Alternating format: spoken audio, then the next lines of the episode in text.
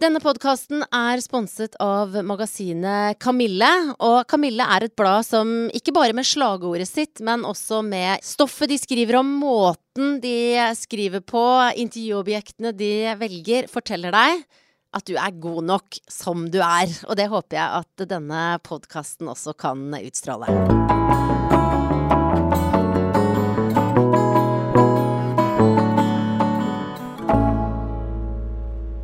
Et mørkt lokale som i hva skal jeg si, Paris på 30-tallet, også litt sånn røde velurmøbler, sitter det nå en haug med stilige kvinnfolk og noen få minst like stilige menn og venter på eh, dagens gjest i Bra damer live fra Ole Bull, lille Ole Bull i Bergen. Hun heter Kristine Hope. Ta henne godt imot!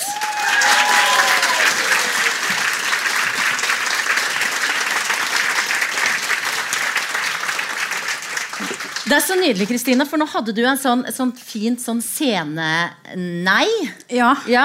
Eh, Hvor kommer det fra? det kommer fra Hilde Sol Erdal. Hun har eh, hjulpet til og hatt koreografi i mange år på, på show og forestillinger som jeg har vært med på her i Bergen. Og da er det alltid at vi lærer da hvordan du liksom skal ned samtidig se. Men nå tok, var jeg litt stressa, så da kom Ja. jeg opp her, så tok jeg faktisk feil bein. Men det er en sånn blanding av eh, grasiøsitet Ja. og en liten sånn derre Sterken Gundersen-schwung på det. ja, det blir sikkert fortere med meg. Og det er det, sy ja, men det syns jeg preger liksom alt du gjør. Du er veldig fysisk i humoren din. Ja. Eh, hvor, hvor kommer det fra? Nei, altså, Hege Skøyen, Stelken Gundersen, det var jo en av de tingene jeg satt og så på da jeg var liten. Jeg elsker det.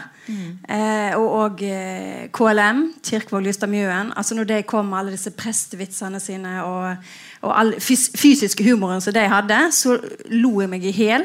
I tillegg til eh, Mr. Bean. Eh, jeg husker altså Jeg husker hvor jeg var første gangen jeg, jeg så han. Når han satt også eh, i, i den kirka og eh, hadde et eller annet sånn snottgreie som han fikk oppi eh, lommetørkleet, så han visste ikke hvor han skulle gjøre av det. Og alt sånt Og eh, den ene sketsjen som var da når han sitter med, med, med, og skal skrive og sånt med alle pennene og alt sånt. Og jeg, jeg lå på sofaen og lo. Hadde aldri sett noe sånn eh, så morsomt før. Så det der var nok med på å krydre meg og prege meg litt til eh, den jeg er i dag. Men derfra til at du fant ut at eh, det var noe du mestra sjøl. Når var det det dukka opp? Ja, det tror jeg bare begynte med at jeg eh, begynte å herme etter læreren i klassen. Begynte fort med herming. Syntes det var gøy å herme. Merka at når jeg herma etter, etter lærerne, og jeg så at til og med de store guttene i gata lo, da var det stas. Men, men var, det, var det noen slags kompensasjon for noe annet? Var det noe annet du var dårlig på? Jeg går rett til kjære. Dette er veldig sånn Ja, det er jo den klassiske. Nei, men du, da å være født med rødt hår og fregne er jo ikke noe lett i seg sjøl. Jeg sier seg jo sjøl at det blir humor blir det eneste håpet du har. ja, men du, Er det seriøst en greie? For at Jeg hørte noen sa her om dagen at altså, når det når folk skal bestille barn, altså når du skal, skal kunne liksom velge donorer, og sånn, Ja. så er det ingen som velger rødt hår og fregner. Nei, det er ingen Jeg som vil ha syns jo ikke det er noe vakrere. Er dere ikke enig? Det er så nydelig. Ja, etter vet ikke jeg. Det der har alltid vært en sånn greie. Så det der altså være, en er jo selvfølgelig den eneste i klassen som har rødt hår og fregne. Alle de andre har brunt eller blondt eller mellomblondt. Eller. Og til slutt så sa mor mi til meg da Ja, men du har jo ikke rødt, Kristine. Du har jo eh, kobber. Du har jo altså, begynt å lage andre farger. For jeg, var, jeg var ikke rødhåra. Så jeg, i denne, mine klassekamerater så har jeg skrevet da liksom at jeg har fa- hårfarge rødbrunt. Så, så det, var, det var liksom Skamma seg litt over det å ha rødt hår og fregne. Men du, det å stå på scenen og neie, som du så nydelig gjorde her nå, eller å bare rive den ene parodien etter den andre som vi er vant til å se deg, det krever sin kvinne. Og jeg, når du står på scenen, så kan du jo ikke noe annet enn å være utrolig tøff i trynet. Du er, jeg opplever deg som sterk og selv, trygg. Eh, Er det noen situasjoner hvor du på en måte er i den motsatt, motsatt denne skalaen? Akkurat nå. Ja. Hva, hva er det ved dette som gjør deg utrygg? Nei, akkurat dette her det er, Jeg er veldig god på å ha, gjøre ting når jeg har generalprøver. Altså når du får testa ting, og du får, eh, får testa ut hva som er morsomt og ikke morsomt. Nå kan jeg bli litt sånn nervøs fordi at dette her går ikke bare vi her, men at det kanskje blir ut på lufta òg. Kanskje. Jeg skjønte at det var muligens for at det ikke ble det. Men da blir jeg, da blir jeg mer sånn at da, å, tenk hvis det ikke er bra nok, tenk hvis det ikke er morsomt nok. Da kommer den der med en gang. Mm. Så det er den klassiske klovnen med, med smil og med redd. Det må jo da nevnes i parentes at uh, denne samtalen den tas nå opp på en opptaker som er brakt hit på sykkel av en snill fyr fra Sandviken. Uh, og ankom her nå for uh, tre minutter før vi startet denne praten. Så Kristine levde i håpet om at det som blir sagt her, kun blir til dere. Og egentlig så hadde jo det vært litt deilig. Da ble jeg veldig glad. Ja, men det, nå blir det altså tatt opp eh, og kan lastes ned på iTunes seinere. Men ikke tenk på det, Kristine. Nei, nei, nei, nei, nei. Ikke tenk på det. Skål, folkens. Ja.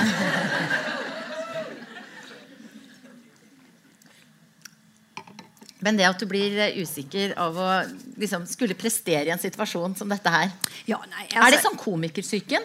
Det er litt sånn, Jeg tuller jo litt, da, selvfølgelig. Men, det er, men det, er, det, er, noe med det der å være Jeg liker å være forberedt.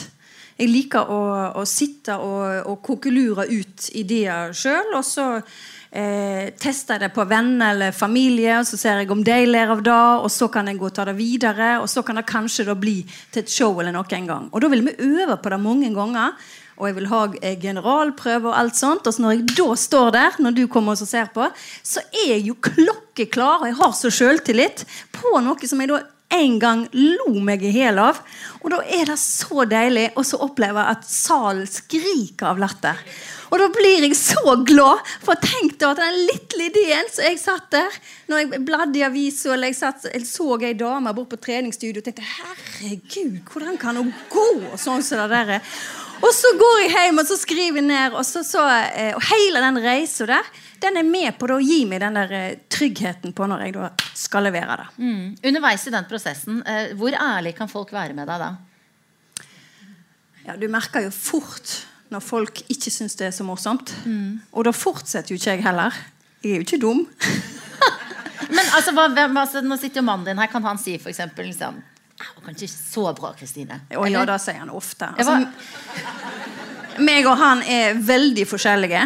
Altså, I begynnelsen så sa jeg til han at det, da er bra i forholdet, da er bra i forholdet, det er bra i forholdet. Men, men vi har jo ikke humor sammen. Nei. Vi ler jo ikke. ikke det? det var jo veldig spesielt. Men da, eh, men da, sa han til meg da at eh, ja, men hvis du vil være sammen med en, eh, en som du ler av, så får du være sammen med Øyvind Angeltveiter. Ja.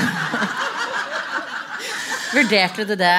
Ja, jo, han, er, han, er, jo en av mine gode kamerater. og det var derfor han kom med han som eksempel. Og det er jo akkurat Da at da tenkte jeg ja, men da, kan jeg, da har jeg alle de For du leter jo alltid i et forhold. Jeg tror det er det som gjør at mange også utsetter eller på en måte begynner å vurdere for masse med at det, det er bra mann, det er bra mann, men ikke det. Nei, da kan ikke det bli han. Nei, mm. sant?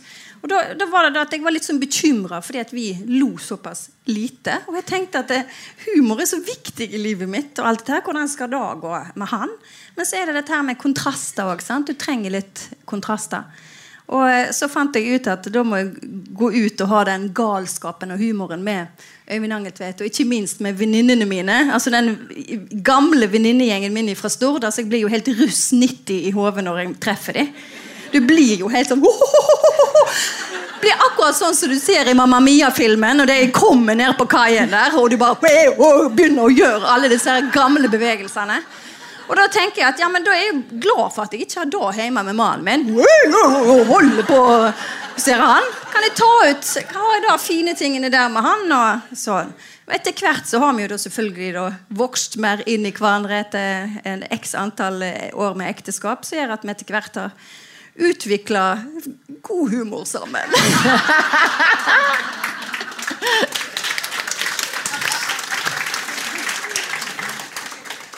Eh, jeg klarer ikke helt å løsrive meg fra bildet av deg som russ 90. Nei eller dansende på stranden som i Mamma Mia. Eh, nær sagt. Hva vil du si er den største forskjellen på deg siden ja, f.eks. du var russ, da, og nå? Nei, hårfrisyren er jo én ting. Mm. jeg var jo russerpresident. Det var jeg òg. Eh, Var du det? Ja. ja, men dette er din prat. Ja, ja, ja. Jeg husker det var, det var veldig spesielt da med å, å bare bli valgt til russerpresident. Jeg husker at det var en sånn, eh, Vi hadde en sånn koko-gjeng som eh, gikk og hengte opp sånne plakater med 'stem på Kristine' og sånt. Og, eh, det husker jeg En gang var Læreren var fly forbanna, for det hang rett og slett eh, masse porno rundt omkring på i gangene. Og jeg, jeg skjønte ingenting, men da hadde de bedt om å bare få Gå ned på, på eh, Stord senter, Kristine, så tar du noen sånne bilder i automaten der. Og jeg tok sånne bilder og sånn stem på meg. sant? Så hadde de klipt ut hodet. Så hadde de saksa det på med de pornobildene og alt. Og hengt det ute ved hele Stord gymnas. Da var det liksom for å vise at det er sex selger, og Ja. for å få oppmerksomheten på det. Og jeg ble jo valgt, Ja. så Det er jo eh, Nå leter jeg i mitt mentale kartotek, men jeg har jo, tror ikke jeg har sett noen sånne bilder av deg i voksen alder. Altså, du er ikke av typen som har eh, posert i den Nei. Altså, jeg begynner ikke å spørre om du har spilt i porno, det er ikke det, men men i dagens offentlighet så er jo de, de skillene der ikke alltid så tydelige. Eh, Har du vært i Nei, er- situasjoner hvor det hadde vært aktuelt? Nei, jeg er veldig påkledd sånn. eh, Da tror jeg Da, da ville jeg aldri sagt ja til. Da, Hvorfor ikke det? nei, nå har jeg veldig flotte pupper, Ja, det. men eh, Men eh, det er jeg, En periode jeg pleide å si da at jeg har det best med parykk. Ja. Faktisk. Og da var noe med at jeg faktisk likte litt å, å gjemme meg bak parykk. Sikkert når jeg da gjorde alle disse karakterene og alt sånt òg. Sånn at jeg mer var litt mer sjenert når jeg da var meg sjøl. så da å eh, i, i tillegg kle seg fysisk naken, da uh, ville jeg ikke likt å gjort. Nå, nå var det faktisk en Når jeg var på Sogn og Fjordane jeg, jeg tenkte på det litt under metoo-debatten da den kom, hva jeg hadde opplevd. Eh, det var noen som hadde vært bortpå. Men eh, da eh, da var det en gang oppe på eh, Sogn og Fjordane Teater. Og da var det en eh, teaterinstruktør der som var polsk. med sånne lange nøyler. Og han eh, sa da at eh, eh, jeg, skulle spille ei jente som våkna opp, kom til jeg, skulle, jeg gikk 20 minutter ut i forestillingen før jeg skulle våkne, for jeg hadde kommet på natta. Og så måtte jeg ligge meg da under noen hadde jeg funnet noen teppe, jeg hadde sneket meg inn i et hus. Og så lå jeg der og, og skulle på en måte sove. Og så eh, når stykket da begynte, så begynte det jo liksom at huset våkna, og folk kom ned. Og alt sånt. Og så plutselig etter 20 minutter så våkna jeg fra den haugen og da reiste meg opp. sant? Og da hadde jeg rømt og bla, bla, bla. og alt sånt. Men da ville han eh, polske at eh, Der kan du være naken. Så sa jeg at nei, da, jeg syntes ikke at det var en god idé. Og eh, at eh, Hvorfor skulle jeg være naken under der? Og lagt, måtte jeg begynne å argumentere. sant? Altså, og lagt seg under der med de teppene på. Du ville ikke begynne å kle av deg da. Altså, hvorfor skulle hun da? og alt. Men han insisterte, da. Så til slutt så måtte jeg rett og slett gå med på å gå i en sånn gjennomsiktig neglisjé. Men jeg beholdt trusa på. Ja, nettopp. Så eh, Men er det da en slags sånn eh, sjenanse? Eller var det fordi det ikke var kunstnerisk riktig i sammenhengen, eller hva man sier? Det var vel en kombinasjon der. i det, Ja. det tilfellet der. Jeg hadde ikke lyst, pluss at jeg på en måte, men så skjønte jeg greit, jeg spiller den jenta der. Kanskje hun er veldig sånn fri og sånn. Men eh, jeg eh, Nei, jeg, akkurat det med nakenhet, da tror jeg jeg eh, hold, liker å holde til det private. Mm. Er det mange andre ting du eh, liksom liker å holde for deg selv? Ja, sikkert. Ikke så jeg kom på noe på med en gang, men det er Det er vel mer det der når du har det yrket som vi har, og som på en måte er så veldig å bli sett og alt dette her hele veien, så, så har jeg òg dager der jeg omtrent går i ett med veggen og har bare ikke lyst til å bli gjenkjent eller har lyst til noen ting. Så det er jo veldig, det er hele tiden den blandingen å finne den balansen mellom å ja, være usynlig og synlig og trives med det. Ja, Hvordan finner du ut av det? Nei, jeg tror det er det, jeg, jeg kommer hele tida tilbake igjen til denne her maska med Talias maske. sant? som gjør da at jeg hele tida jakter den balansen. For hvis det blir for mye tull og tøys i livet òg, så blir jeg også, da, da lengter jeg etter det, det dramatiske og det eh, alvorlige. Jeg, jo, jeg, søker jo òg veldig ofte den blandingen, det tragikomiske. Mm. Jeg ser ofte, eh, Hvis jeg skal finne noe morsomt eller skal skrive en tekst på det, så prøver jeg å finne, gå inn i karakterene og gjøre dem på alvor. Og finne alvoret i dem. For det er jo sånn vi er alle sammen, at vi har både det ene og det andre i oss. Og Derfor så syns jeg det er så kjekt når jeg skaper karakterer, å finne ikke bare hva som er tull og tøys med han fyren her. Hva er det som han òg er hans eh, mer alvorlige side, da. Mm.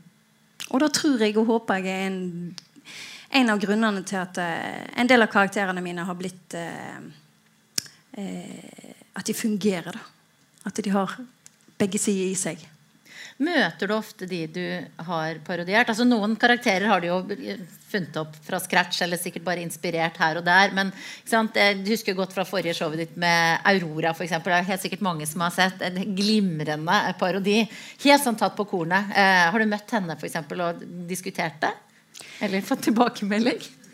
Nei, jeg har ikke det, men jeg vet, jeg hadde jo samme lysdame som faktisk hun som reiser og har lys med Aurora, hadde lys på forestillingen min.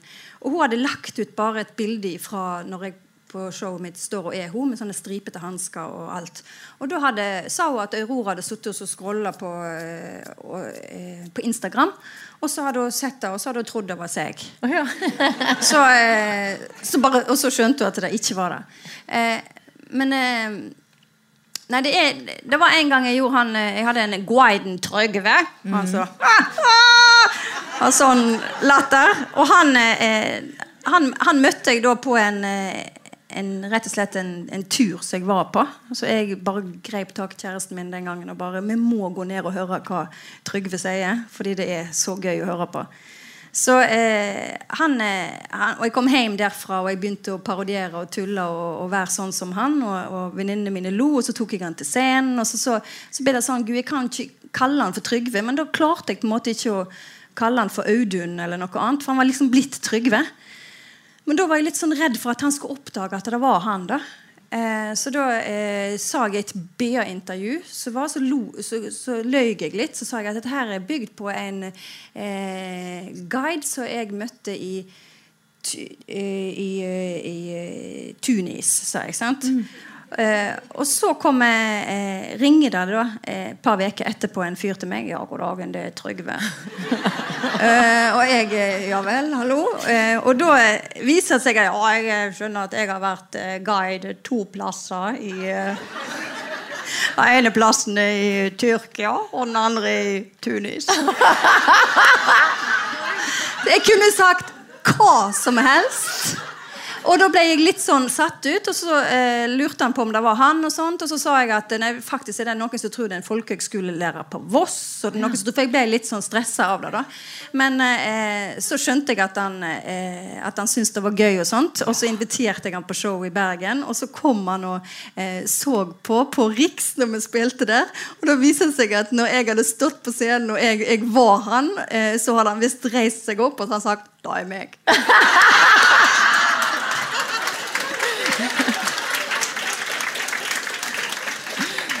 Åh, det er jo helt nydelig. Trygve. Men du, du, sa i stad det er jo noen dager Alle mennesker har jo den der eh, hvor du bare helst ikke vil snakke med noen. og sånn eh, mm. Noen av de dagene har jo du sikkert show. Mm. Hvordan er det? Ja, det er veldig eh, Det er veldig rart. Men det blir litt sånn som å gå på jobb. Altså, alle andre også går på jobb selv om de har dårlige dager. Du, du, det er bare at de har en litt annerledes jobb enn hva andre. sant? Du skal gå utpå der og eh, å være. Og så tror jeg det der siden jeg har så veldig det der Alt er så innøvd og alt sånt, at hele kroppen vet at nå er vi kommet dertil, nå skal jeg varme opp kroppen, eller nå er jeg kommet dertil, nå får jeg tiden min. Nå eh, sånn at jeg på en måte blir veldig sånn autopilot. sånn at når du da går innpå, så legger du alt det andre bak deg. Men i det øyeblikket du går av igjen sånn, så, så eh, eh, så er det jo hverdagen. Så det blir liksom den, den, den jobben du gjør. Mm. Så det blir liksom sånn å gå og Det er veldig spesielt å gå og få applaus etter jobben din. Ja. Det er det jo ikke alle som får, selv om så mange som fortjener det. Jeg vet, det er et privilegium. Sant? Alle lærere, alle sykepleiere. Du får jo bare lyst til å klappe hver eneste dag.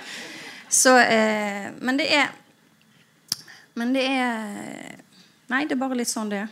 Gode og dårlige dager har vi alle. Men hvilke ganger har det vært eh, nesten umulig for deg å stå på scenen? Jeg har ikke opplevd noen sånn bank i bordet at, at uh, store, alvorlige ting har skjedd rett før. Så jeg, akkurat nå kommer jeg ikke på noen sånne skjellsettende ting. Heldigvis. En ting er jo eh, det du presterer, det som vi ser som publikum i salen. Men det må jo være altså, et heidundrende tempo bak, med ja. kostymeskift og inn og ut. Og, altså, jeg regner med at det er liksom egen profesjon nærmest å kle av og på deg. Det, altså bak scenen. Ja. ja, vi har jo eh, Marte Sundevåg, som jeg har med meg, eh, som er helt fantastisk. Altså, jeg kaller henne jo for fru Borrelås. Eh, mm. eh, men det er jo òg utrolig jeg, gjorde et sånn kjoleskift på ikke dette showet, men det forrige, der vi, jeg skifta fem kjoler på sekunder. Og da eh, sydde hun rett og slett på med, med sånn gøtt, med sånn fisketråd. Eh, og satt i, Når vi hadde doble forestillinger og satt og sydde Dette her er egentlig en statshemmelighet, så beklager at jeg røper nå. Eh, sånn at når jeg eh, bare gikk ut, og så bare trakk hun bare i en tråd, og så, så dette bare plagget av. Så jeg har ikke tid til å ta av engang. Så da hadde jeg fem kjoler på meg. Men det krever jo også at du er i ganske god form. da. Ja, jeg vet at jeg, Mange som tror at jeg sånn, jogger og sånt. Jeg driver ikke og jogger. Gjør ingenting. Jeg driver bare og tusler rundt litt på Nordnes. Og går, altså, jeg er kjempeslapp. Jeg gjør pilates og yoga. Men, men, jeg har eh, jeg, jeg, tror jeg har litt sånn god fysikk av natur. Og så er jeg eh, eh, Men akkurat de tingene, pilatesen og sånt, den, den da eh, den skulker jeg ikke. altså Da er som en sånn legetime du skal på. Bare, I dag har jeg hatt første pilatesen min ja. og bare kjenner sånn Åh, nå har jeg begynt igjen å trene. For det, det er typisk sånne ting som driver og utsetter. Selv om du vet at det er så bra for deg. så bare sånn der, ja, jeg skal jo begynne å trene snart. Jeg merker jo at jeg trenger det. Ja, jeg skal jo begynne å trene snart, merker at jeg trenger det. Men du klarer ikke liksom begynne på det. Men når du da kommer i gang, så er det jo bare det beste i verden. Men er, Går du da aleine med en trener? Er du der, Eller er det en sånn klasse? sånn pust inn, pust ut? Nei, dette her er noe som heter jeg går på Pilates, som er bak politistasjonen her i Bergen. Med en eh, herlig liten same som heter Odd. Og her er også en karakter! Ja, ja. Nydelig. Flott. Og han er, er han er helt fantastisk. og Jeg har gått der i, i sikkert ti år. Eh, og, eh, men da, da kom han og eh, starta hver time med å, med å eh, kjenne etter på skuldre og alt sånt. Så du får liksom sånn personlig Selv om det ikke er en ren sånn PT-time, så er, vi, er, det på en måte personlig trener likevel. Mm. Mm. Og det får deg til å føle bra? Ja. Mm.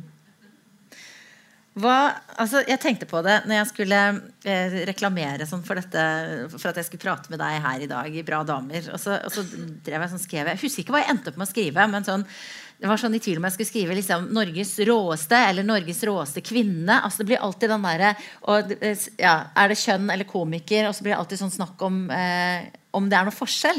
Mm. Er det det, syns du? Altså det der med kvinnehumor og mannehumor og sånn. Jeg, jeg, har alltid hatt problemer med å kalle meg komiker. Bare i seg sjøl, uavhengig av da, mann- eller kvinnehumor. Men det er mer i forhold til at jeg sikkert har et litt sånn behov for at jeg er skuespiller òg. Ja, Samtidig Søren og jeg kalte deg komiker. Det er den der altså. klassiske revy. Der, mm. liksom, I gamle dager så var det litt sånn eh, Å, du driver med revy. Sant? Altså, det liksom henger litt sånn igjen. Og, og til og med eh, min eh, farmor hun var sånn Ja, men når skal du på Det Nasjonale sin side, da? Det var da som var flott, da å være der. Det var ikke å holde på med de der eh, greiene som jeg gjorde. Så når jeg da fikk, hadde årskontrakt på DNS og var der, og alt sånt, så, så jeg ble jo fryktelig glad når jeg fikk det. Og du har jo gullskrift på døra di, og de booker, og de spør om det er skittentøy de skal ta med seg. og det er jo, det er jo liksom en helt annen verden å være eh, innenfor et sånt institusjonsteater. Men når jeg da hadde vært der, så kjente jeg sånn glede i forhold til da å kunne klare å bare tusle ned på min egen køddeklinikk og sitter der og klikker ut nye karakterer der. Og nå høres det ut som det var bare noe du kom på nå, at det var sånn køddeklinikk i gåseøynene, men det er det du kaller kontoret ditt? Ja, jeg har kontor eh, nede på verftet sammen med åtte andre kreative, herlige folk. Men greiene var at jeg når jeg hadde vært der en stund, så lag en, jeg skulle begynne der en høst, så skrev jeg sånn på Facebook Jeg er tilbake igjen på tullekontoret. fordi at det føles ikke som et ordentlig kontor siden jeg sitter der og lager sånne revyting. Mm. Så jeg skrev jeg er tilbake på tullekontoret og alt. Og der bing, fikk jeg inn en melding. Ja, hallo, jeg ser at du legger ut at du eh, er på tullekontoret. Jeg vil bare si at jeg har kalt eh, mitt kontor for Tullekontoret siden 1992.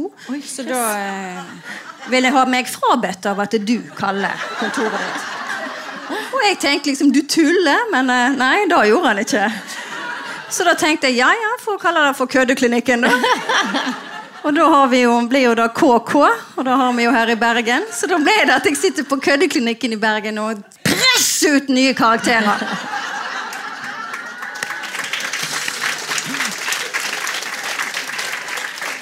Men jeg fascineres jo da at, du, av at, du, går til et kontor. Og dette her er jo, selv om vi på en måte bransjene vi er i, kan liksom krysses noen steder, så er det sånn Hvordan, hvordan er arbeidsdagen din da? Er, når begynner du på køddeklinikken? Nei, det, da, altså, det, er jo liksom felles eh, lunsj ca. tolv. Så hvis jeg kommer ned elleve, og så eh, får jeg gått litt på Facebook og så, eh, nei, det, er, det, er, veldig vanskelig eh, tidsmessig. Jeg er veldig god når jeg har eh, best når jeg har deadline. I don't need time, I need deadline. Den bare er så klassisk meg. Når jeg har en eventjobb eller noe jeg skal skrive til, så er jeg flink å gå ned og sitte og jobbe. jobbe, jobbe. Men nå, akkurat nå så er jeg inne i en sånn eh, mer løsere periode, der jeg har masse gøye prosjekt på gang. Men jeg har ikke noe sånn som skal være ferdig til i morgen klokka da. eller sånn. Og da må jeg være sånn skikkelig streng Pippi med meg sjøl og si 'Nå går du ned på kontoret i morgen!' Og sånn, Nei, nå går du ned på kontoret i morgen! Sånn, ja, nå skal Jeg må dra meg sjøl opp. Og det syns jeg er ganske sånn vanskelig med å være frilanser i forhold til det der med deadline. At jeg, jeg, har liksom egentlig ingenting. Det er masse ting jeg kunne ha gjort og fått unna. Og som etter hvert så blir det jo deadline. Mm. Da det jo, og da blir det så stressete bare da. Og bare 'Hvorfor begynte jeg ikke med dette før?' Det er bare gang på gang på gang. Men det stresset som kommer når du nærmer deg deadline, altså, det høres jo nesten ut som det er litt sånn deilig stress? Ja, da er, og da blir jeg jo sånn Herregud, hvor masse gøy fantasi det er oppi her. Sitter og skriver og ler meg i hjel av meg sjøl. Og koser meg av alt som kommer ut. Så da, da har jeg det kjempebra. Så det er, det er synd at jeg ikke egentlig presser meg sjøl litt oftere. Men er det noen ting som kan stresse deg på en sånn kjip måte? Sånn guffen uro? Nei Hva tenkte du på da? Nei, jeg bare kjenner kanskje på en sånn følelse selv av og til. Uten at jeg vet helt ikke sant? Liksom, at Det er nesten verre stress. Altså, Én ting er det stress. Det er sikkert flere som kan kjenne seg igjen her. Hvis du skal levere, har en deadline, mm. eller du har noe du skal gjøre, du har dårlig tid, eller sånn type stress. Men mm. annet er litt det der smygende sånn dette her er litt ubehagelig. Nå er jeg litt stressa. Ja, men da begynner det mer sånn, da begynner jeg å vippe over i angsten. eller sånn. Å, herregud, nå er jeg en av de som utleverte det nå. Nei da. Nei, vi skal ikke der. Nei, det, det er Jeg tror jeg er, jeg er, ganske lett som person. Sånn sett så eh, prøver jeg i hvert fall å, å prøve å ha en latterkrampe hver dag. Mm. Nå er eldstedattera mi kommet i knisealderen, så da går det ganske greit. du var liksom aldri ferdig med den, egentlig? Var du det? Nei, det er jo litt sånn å leve egentlig av å være i knisealder. ja, så deilig. Ja, det er, nei, men det med å le det er jo helt utrolig viktig. Altså mm. Uansett hvor mye vi opplever i, i, livet, alle sammen, så er det bare en sånn Det er så deilig å le. Mm. Og vi trenger det så enormt. Amen, sies det. Jeg er helt enig. Ja. Ja. Og det gjør at jeg føler meg ofte veldig heldig så, så får lov til å være med og, og få folk til å le. Det, det, når folk kommer til meg etterpå, så kan de fortelle at de har hatt en sånn og sånn periode i livet, eller de har opplevd så mye, men så var vi på showet ditt alle sammen, og alle sammen koste seg sånn, og alt. Så blir jeg helt sånn rørt over at de har klart å kose seg i den eh, vanskelige perioden som det har vært i, f.eks. Mm. Vi var så vidt innom det når du sa det der med den at du skulle på den nasjonale scenen. Og Da var det liksom ordentlig jobb og sånn. Men til tross for at du da helt åpenbart har en viktig jobb. Latter og humor er viktig i livene til folk. Men eh, i hvor stor grad har du kjent på det som jeg har hørt andre snakke om, da, og som for å snakke litt om meg sjøl igjen, jeg kanskje har kjent på litt selv, altså, at du holder på med tull og ikke noe ordentlig.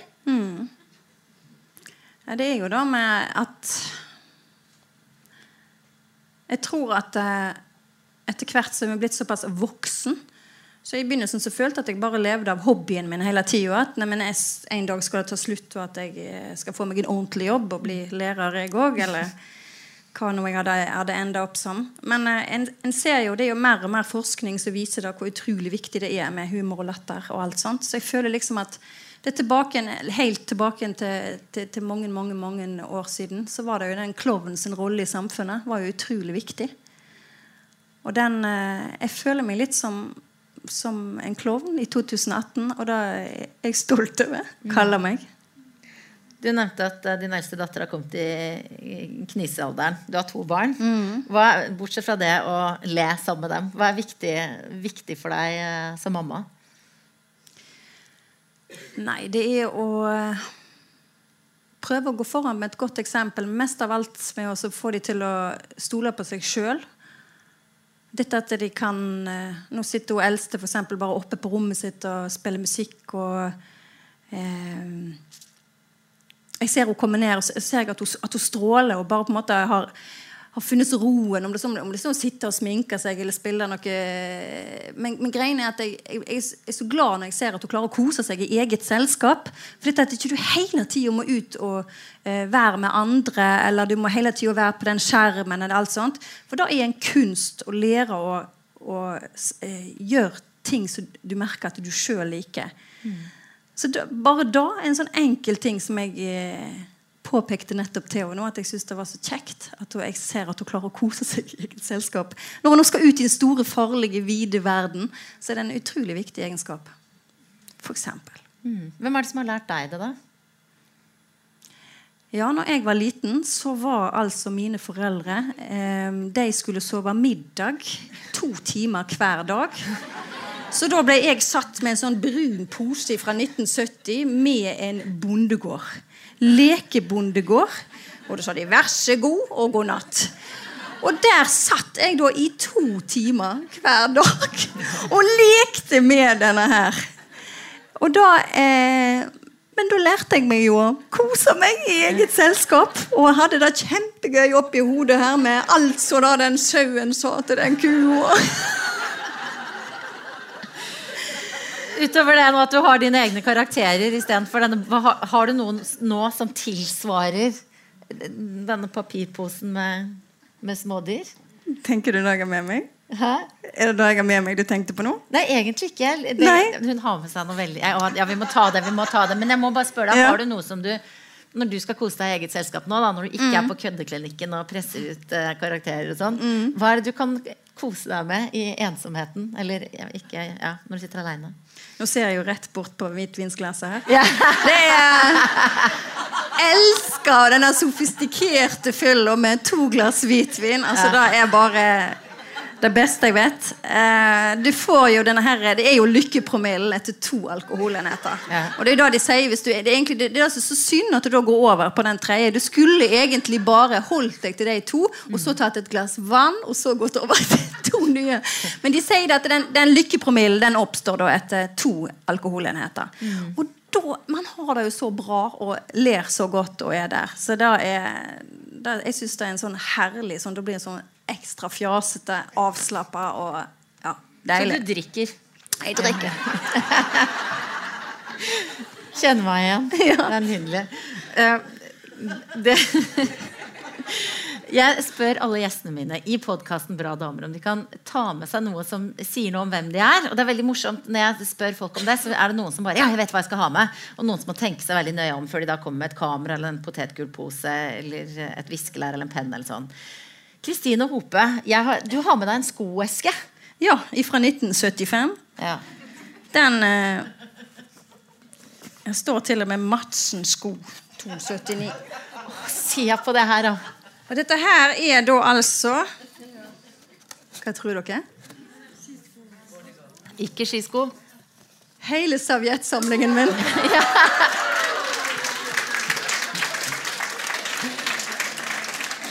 Og den er altså sirlig og nøye sortert. Her ser du det står ensfarga, bursdag, byteservietter, forskjellig SJELIG. Ja. ja.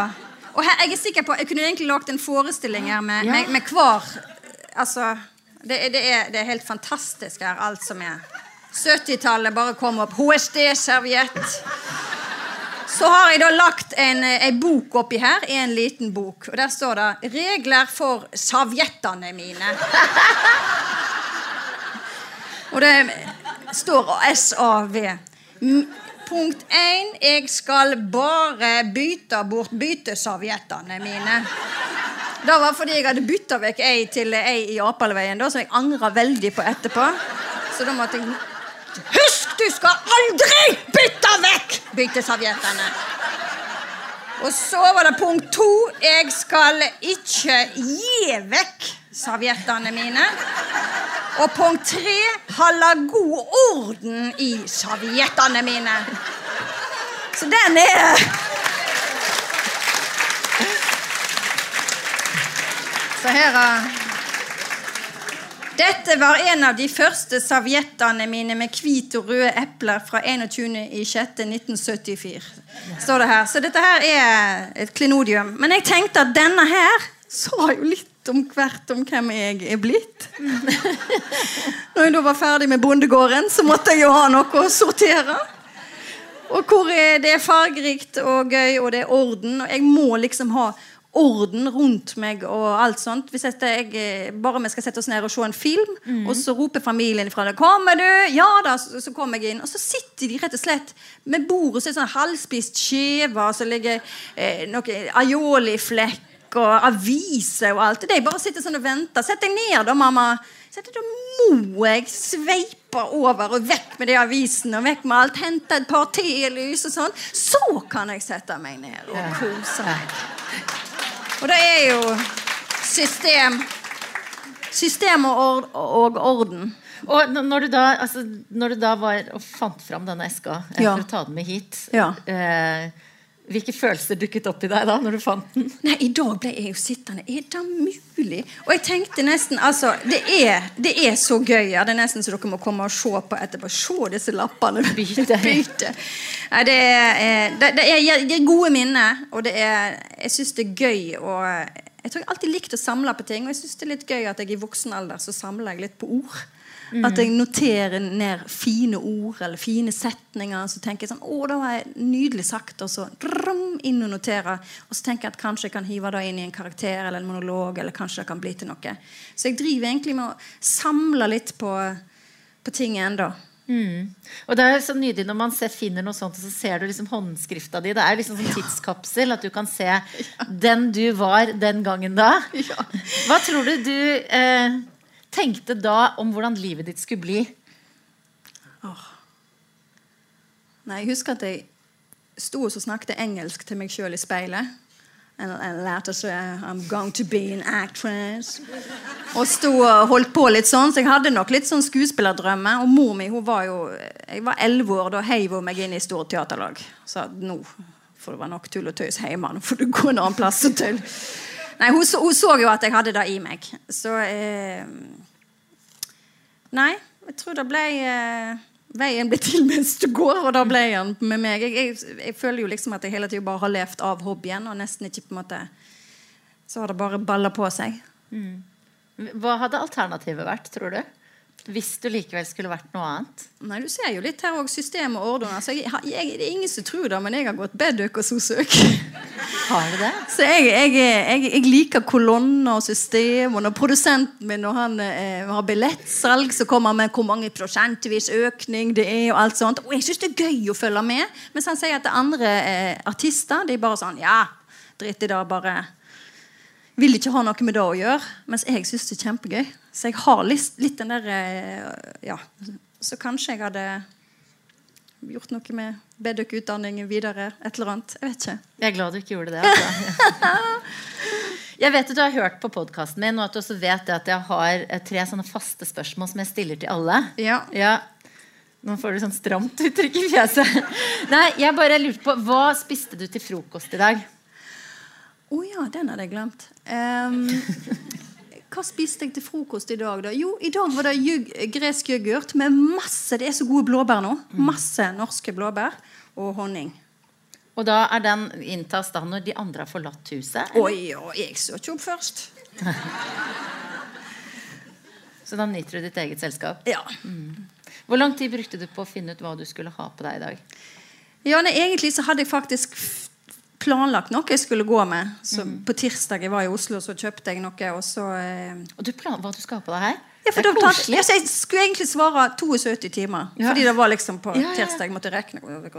Så, men så eh, tok jeg på meg da i dag, da. Og så sa hele familien bare uh -uh.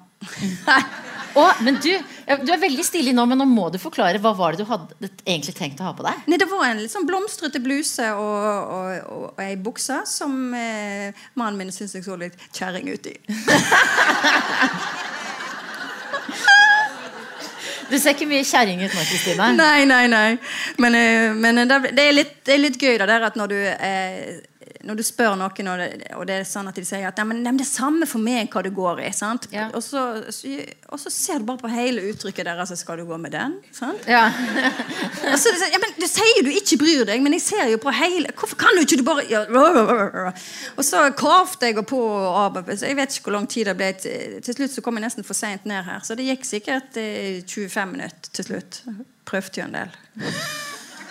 Jeg syns det er litt stas da at du var opptatt av hva du skal ha på deg. Du var kjempefin. Hvor lenge er det Nei, når hadde du sex sist? Ja, det spørsmålet òg visste jeg jo kom, så nå måtte mannen min komme hjem om i lunsjen.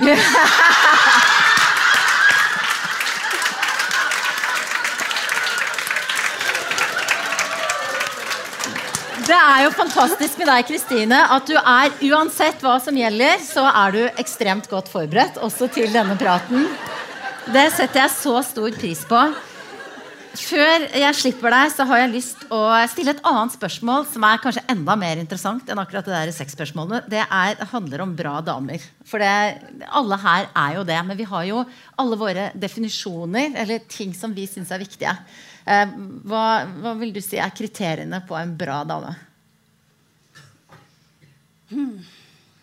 Det er da det er så mange forskjellige innenfor feltet sitt. Altså, nå sa jo du plutselig at Toril Sivertsen var her, og da tenkte jeg at hun ja, bør jo være et bra intervju! Ja, bra intervjuobjekt. Ja.